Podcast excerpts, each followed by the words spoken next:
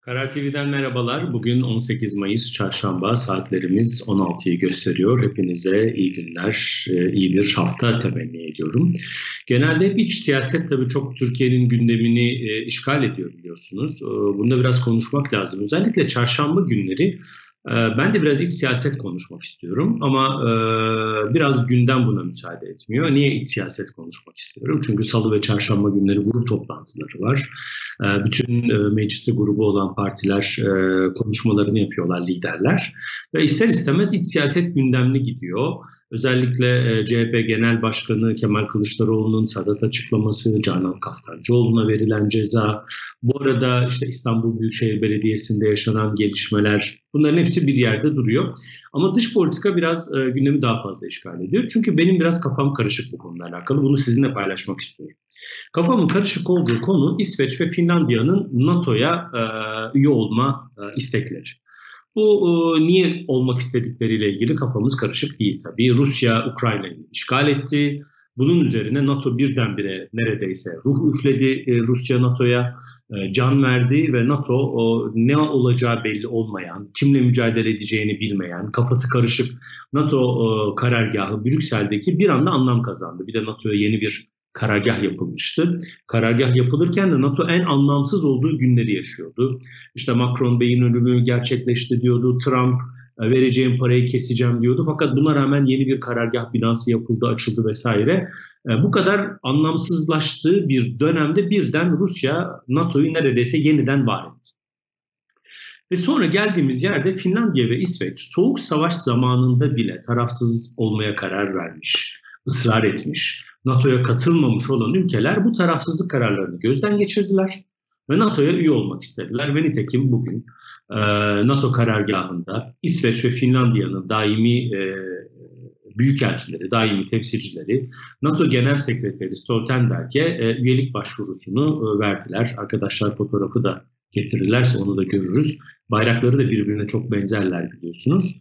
Ve e, NATO bayrağının önünde resmi olarak başvuruda bulundular. Bugün yaptılar bu başvuruyu. Kendi ülkelerinde tartışma süreçleri yaşandı. Parlamentolarında bu başvuru süreciyle ilgili e, tartışmalar yaşandı. Bugüne kadar NATO'ya mesafeli olan birçok parti de destek verdi. Genel bir mutabakat var yani ülkede ve e, başvurdular. Başvurdular da kafa karışıklığı şuradan kaynaklanıyor. Şimdi Türkiye çok net bir şekilde e, e, geçtiğimiz Cuma günü ilk duyduk bunu. Cumhurbaşkanı Erdoğan Cuma namazının çıkışında İsveç'in ve Finlandiya'nın NATO üyeliğine evet demeyeceğini söyledi. Şimdi bu çok önemli bir açıklama. Neden çok önemli bir açıklama? Çünkü NATO'da kararlar oy birliğiyle alınıyor. Yani her üyenin veto hakkı var. Bir üyenin olmaz dediği bir kararı NATO alamıyor. Neden? Çünkü orası bir Kanarya Sevenler Derneği değil, bir savunma örgütü. İşin içerisinde silah var, savunma var, insan hayatı var, para var. Her şeyin olduğu çok güçlü bir örgüt. Ee, bugüne kadar yani insanlık tarihindeki en güçlü savunma örgütlerinden bir tanesi. 1940'ların ee, sonundan beri de bir e, rol oynadı. Dolayısıyla da kararlar böyle genel bir mutabakatla değil, yüzde yüz mutabakatla alınıyor. O yüzden de Erdoğan'ın ben onay vermiyorum demesi son derece önemliydi. Fakat kafayı karıştıran hadise şu, Erdoğan'ın ısrarla ben onay vermeyeceğim demesine rağmen İsveç ve Finlandiya hiçbir şey olmamış gibi yoluna devam ediyor ve başvuruyor. Ben de soruyorum acaba benim bilmediğim onların bildiği başka bir şey mi var? Eğer üyenin bir tanesi ben onay vermeyeceğim diyorsa başvurmamaları icap eder. Sanki e, Türkiye bunu dese bile e, dediğinin arkasında durmayacak bunu bildikleri için mi devam ediyorlar? Üstelik sadece İsveç ve e, Finlandiya'da değil. Beyaz Saray Sözcüsü e, Karine Jean-Pierre bir açıklama yapıyor. Diyor ki e, Biden yönetiminin NATO'nun İsveç ve Finlandiya'nın üyeliğiyle ilgili uzlaşmaya varılacağından emin olduğunu söyledi. Almanya Başbakanı Olaf Scholz da yaptığı açıklamada Türkiye'nin Finlandiya ve İsveç'in NATO üyeliğini destekleyeceğinden emin olduğunu söyledi.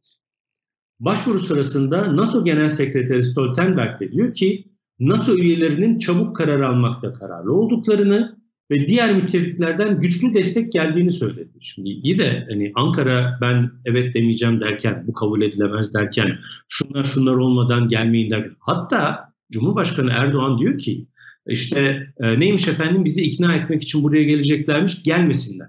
Şimdi gelmesinler demenin diplomaside çok bir anlamı yok. Yani konuşmayalım demenin, Yani benim sana itirazım var, benim seninle ilgili soru işaretleri var ama senin sen buraya da gelme seninle de konuşmayacağım.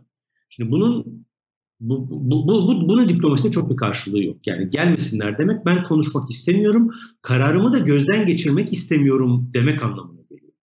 Dolayısıyla bu, bu bir soru işareti. Bir, e, benim anlamlandırmakta zorladığım şey. Yani birincisi e, aynen dediğim gibi e, Türkiye'nin çok net bir açıklaması var. Cumhurbaşkanı Erdoğan devletin bir numaralı yetkilisi olarak evet demeyeceğini söylüyor. Fakat NATO'da, Amerika Birleşik Devletleri de, Almanya'da, NATO Genel Sekreteri de, başvuran ülkelerde bu karar yokmuş gibi hareket ediyorlar. Türkiye'yi bu kadar yokmuş gibi hareket etmelerini sağlayan gerekçenin ne olduğunu ben merak ediyorum açıkçası. Yani Erdoğan'ın bugüne kadar Rahip Brunson konusunda olduğu gibi, e, Alman vatandaşı gazeteci konusunda olduğu gibi ya da diğer konularda olduğu gibi ne derse desin sonunda kararını değiştireceğini mi düşünüyorlar? Böyle olduğunda da Erdoğan'ın sözlerinin ağırlığı mı yok? Yoksa arkada başka bir pazarlık yapıldı da bunu mu biz bilmiyoruz? Ya da Türkiye'nin istekliklerine yüzde yüz uyacaklar. E, bu uyacakları konularına kendileri de eminler. Dolayısıyla biz uyacağız. Uyduğumuz takdirde de Türkiye buna evet der mi diyorlar. Bunun bir açığa getir, gelişme, e, açığa kavuşturulması gerekiyor. Çünkü bu kadar net konuşulan bir ülkenin karşısında o yokmuş gibi hareket etmenin diplomaside bir anlamının olması gerekiyor. Jeopolitikte bir anlamının olması gerekiyor. Dış politikada bir karşılığının olması gerekiyor. Normalde geçtik bunu. Bu tür kriz durumlarında ara bulucular devreye girer. Yani anlaşamayan taraflar arasındaki problemleri çözmek için birileri devreye girer. Ben çok iyi hatırlıyorum. Şeyde Annan planı referandumu sırasında Rumlar sürekli e, ayak diriyorlardı, ayak sürüyorlardı. E, Türkiye ise yapıcıydı. O dönem ABD Dışişleri Bakanı Condoleezza Rice'di yanlış hatırlamıyorsam. Ona varana kadar herkes devreye girdi Rusları, şey, e, Rumları ikna edebilmek için. Ya da böyle kriz zamanlarında araya birileri girer ve arayı bulmaya çalışır. Ben baktığımda arayı bulmaya çalışan da yok. Yani mesela kim yok?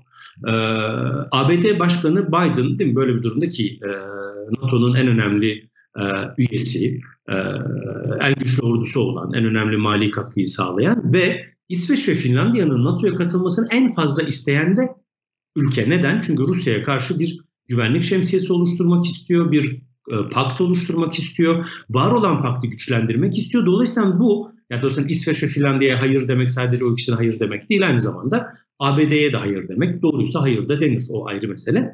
Ama Amerika Birleşik Devletleri de devreye girip Erdoğan'ı arayıp ikna etmeye çalışmıyor. Dolayısıyla neden bunu yapmaya çalışmıyorları ben anlamakta zorlanıyorum. Üstüne Biden İsveç ve Finlandiya e, hükümet başkanlarını Beyaz Saray'da ağırlayacak. Küçük bir not henüz Erdoğan Biden seçildiğinden beri Beyaz Saray'a e, gitmedi, görüşmediler. Bir e, saysanız işte bir elim, hakikaten bir elim parmakları kadar. Ben acaba iki elim mi diyecektim ama bildiğim kadarıyla bir elim parmakları kadar bir görüşme oldu aralarında. Böyle bir şey de yok. Bütün bunlar Türkiye'nin bütün bu süreçte yokmuş gibi davranılmasının sebebinin ne olduğunu ben açıkçası e, anlamak istiyorum. O yüzden e, hayır der mi diyebilir. Bu, bu her zaman için. Türkiye bir egemen bir devlet. Egemen devletler kendi egemenlikleri söz konusu olduğunda her istediklerini yaparlar. Fakat her zaman bu yapılır mı? Doğru mudur? Yaptığınız yani attığınız taşla ürküttüğünüz kurbağaya değiyor mu? Bu önemli şey. Çünkü NATO'nun Rusya'ya karşı almaya e, çalıştığı şey Rusya bugün bölge için bir tehdit oluşturuyorsa bu tehdidin yöneleceği en önemli ülkelerden bir tanesi aslına bakarsanız Türkiye. Kuzeyde de bir Rus ağırlığı var, güneyde de bir İdlib'de vesaire Rus e, tehdidi var. Türkiye'nin son dönemde askerlerini hedef alan, uçaklarını hedef alan, 34 e, askerini İdlib'de şehit eden yani gerçekten güvenlik riski bir ülke var mı diye sorduğunuzda bunun cevabı evet. Peki hangi ülke dediğinizde bunları yapan o da Rusya. Peki Rusya'ya karşı oluşturulan böylesi bir organizasyona Türkiye neden e, genişlemesine müsaade etmiyor? Türkiye'nin PKK ile ilgili haklı ve İsveç'i eleştirmesi de haklı. İsveç bugüne kadar NATO içerisinde olmamanın, uluslararası tarafsızlık ilkesine e, e, yapışmış olmalarının avantajını kullandı. Çünkü dünyanın jeopolitik olarak biraz kuzeyinde, çatışma bölgelerinden uzakta. Bunun da tırnak içerisinde ekmeğini yedi, bunun faydasını gördü. Ekonomik olarak da çok fazla kimseye ihtiyacı olmayan bir ülke ve bu çerçevede kendi tırnak içerisinde ilkeleri e, bağlamında istediği tavrı alabildi.